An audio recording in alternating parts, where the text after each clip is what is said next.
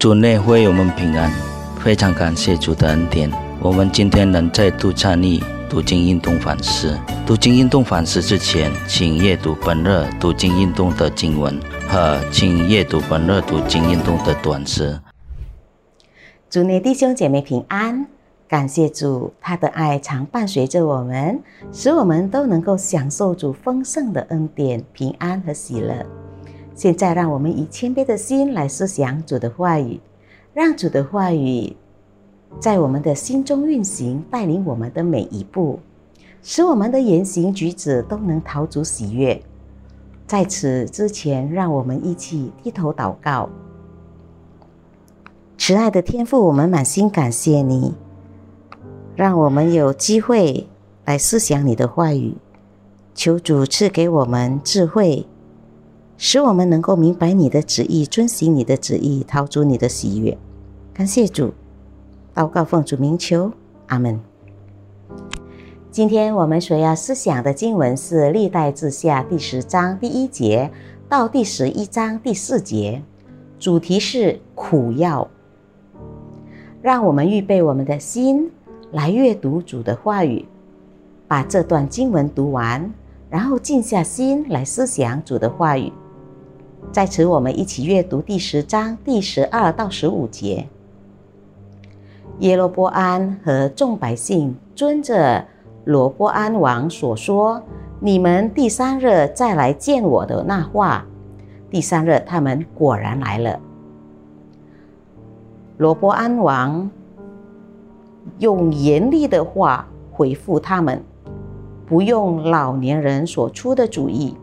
照着少年人所出的主意，对他们说：“我父亲使你们负重恶，我必使你们负更重的恶。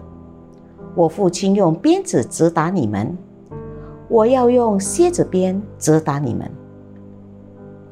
王不肯依从百姓，这事乃出于神，为要应验耶和华借色罗人亚西亚。”对弥巴儿子耶罗波安所说的话，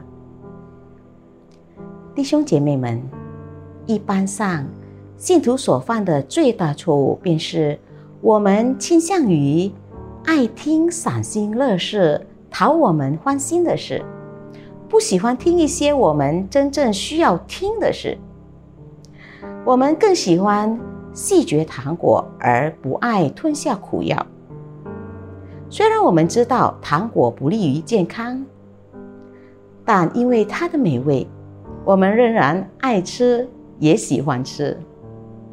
罗伯安，所罗门王的继承人也是如此。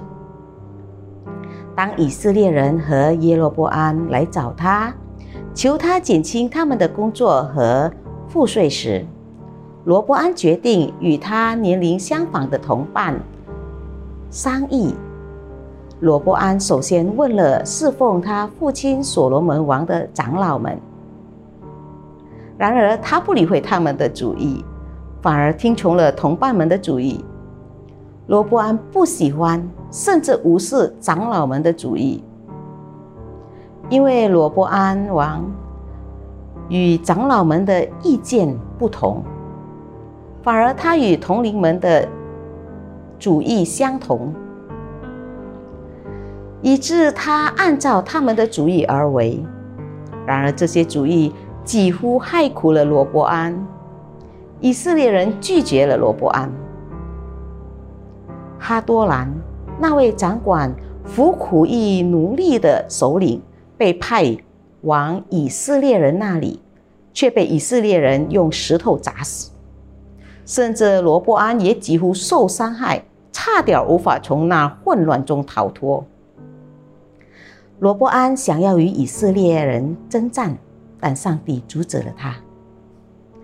以色列王国分裂为犹大王国和以色列王国，这事乃出于神，为要应验神对耶罗波安的应许。